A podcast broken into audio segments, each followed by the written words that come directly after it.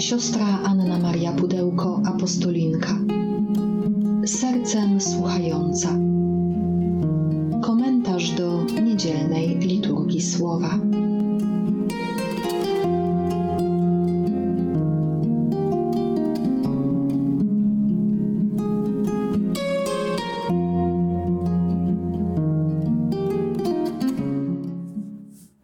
Z Ewangelii według świętego Mateusza.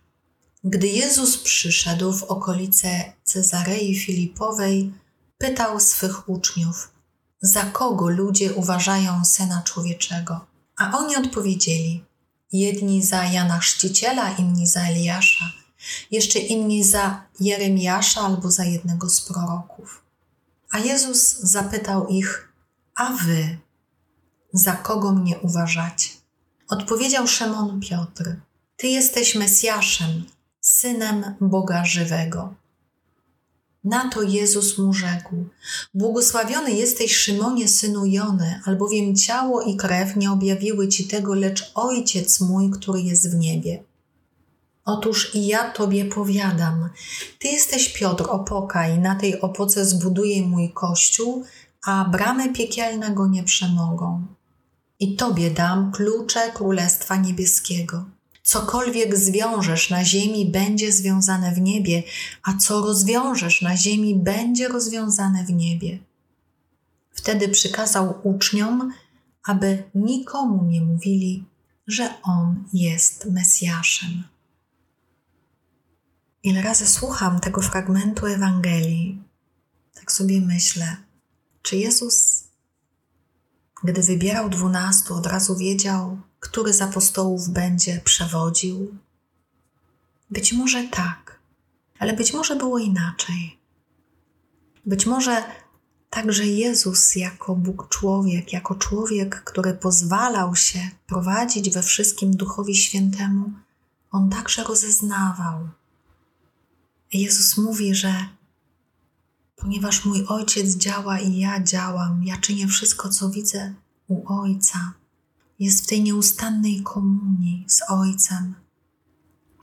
I w tym momencie pyta swoich uczniów, za kogo ludzie mnie uważają. I oni odpowiadają. Łatwo jest mówić, co inni mówią. I nagle stawia im to ważne pytanie: A wy, za kogo mnie uważacie?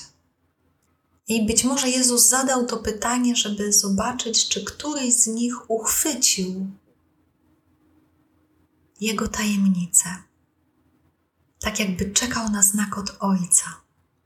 I Piotr to czyni, i serce Jezusa się raduje, bo mówi do Piotra: To nie ty, to nie Twoja mądrość, to nie Twój intelekt, to nie Twój spryt, Piotrze. Ale Ojciec mój Ci to objawił, czyli to Ojciec wskazał na Piotra i Jezus go ustanawia opoką Przepiękny jest ten dialog w Trójcy Świętej. Być może właśnie było tak. Jezus pokazuje nam, że my też w życiu nie musimy mieć gotowych odpowiedzi, ale pytać, szukać i bardzo głęboko słuchać, by rozeznawać z Jezusem, przez Jezusa i w Nim, co jest wolą Ojca, co jest z Bożego Ducha. Pan prowadzi, Pan wybiera. O tym usłyszymy w pierwszym czytaniu z księgi proroka Izajasza. To mówi Pan do Szebny, zarządcy pałacu. Gdy strącę cię z twego urzędu i przepędzę cię z twojej posady, tegoż dnia powołam sługę mego Eliakima, syna Hilkiasza Oblokę go w Twoją tunikę, przepaszę go Twoim pasem, Twoją władzę oddam w jego ręce. On będzie ojcem dla mieszkańców Jeruzalem oraz dla domu Judy. Położę klucz domu Dawidowego na jego ramieniu. Gdy on otworzy, nikt nie zamknie. Gdy on zamknie, nikt nie otworzy. Wbiję go jak kołek na miejscu pewnym i stanie się tronem chwały dla domu swego Ojca. Szebna słyszy trudne słowa, ale my wiemy, że Bóg nikogo nie odrzuca. jeżeli odrzuca to osoby, które odrzuciły Boga, jeżeli Pan stawia kogoś i daje mu jakieś zadanie, a ten ktoś sprzeniewierza się temu zadaniu, to Pan wybiera kogoś innego.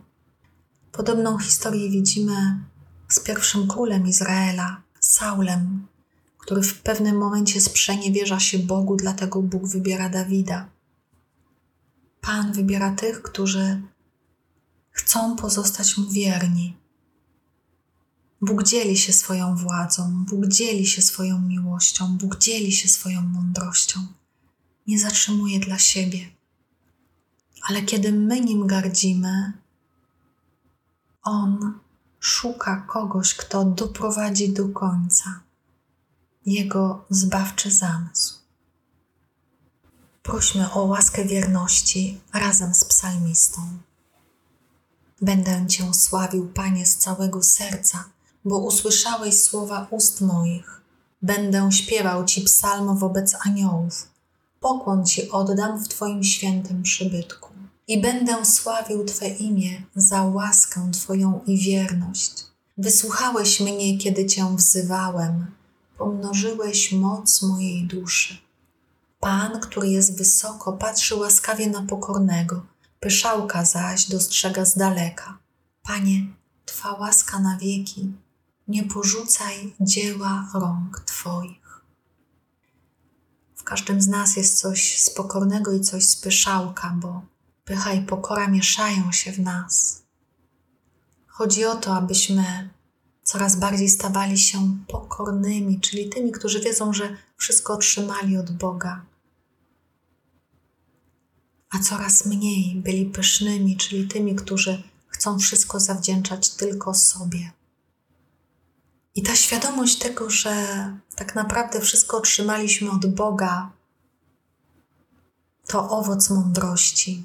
O tym właśnie mówi święty Paweł w drugim czytaniu z listu do Rzymian. O głębokości bogactw, mądrości i wiedzy Boga, jakże niezbadane są Jego wyroki i nie do wyśledzenia Jego drogi. Kto bowiem poznał myśl Pana, albo kto był Jego doradcą, lub kto pierwszy Go obdarował, aby nawzajem otrzymać odpłatę, albowiem z Niego i przez Niego i dla Niego jest wszystko. Jemu chwała na wieki. Amen. Tak, człowiek pokorny potrafi zobaczyć, że Boże drogi są nie do wyśledzenia, a Jego wyroki są niezbadane. My nie mamy mówić Bogu, co i kiedy i jak ma czynić. My mamy prosić Boga, aby objawił nam swój zamysł, do którego nas zaprasza. Tak, aby całe nasze życie było z Niego, przez Niego i dla Niego. Wtedy razem z Jezusem będziemy chwałą Ojca.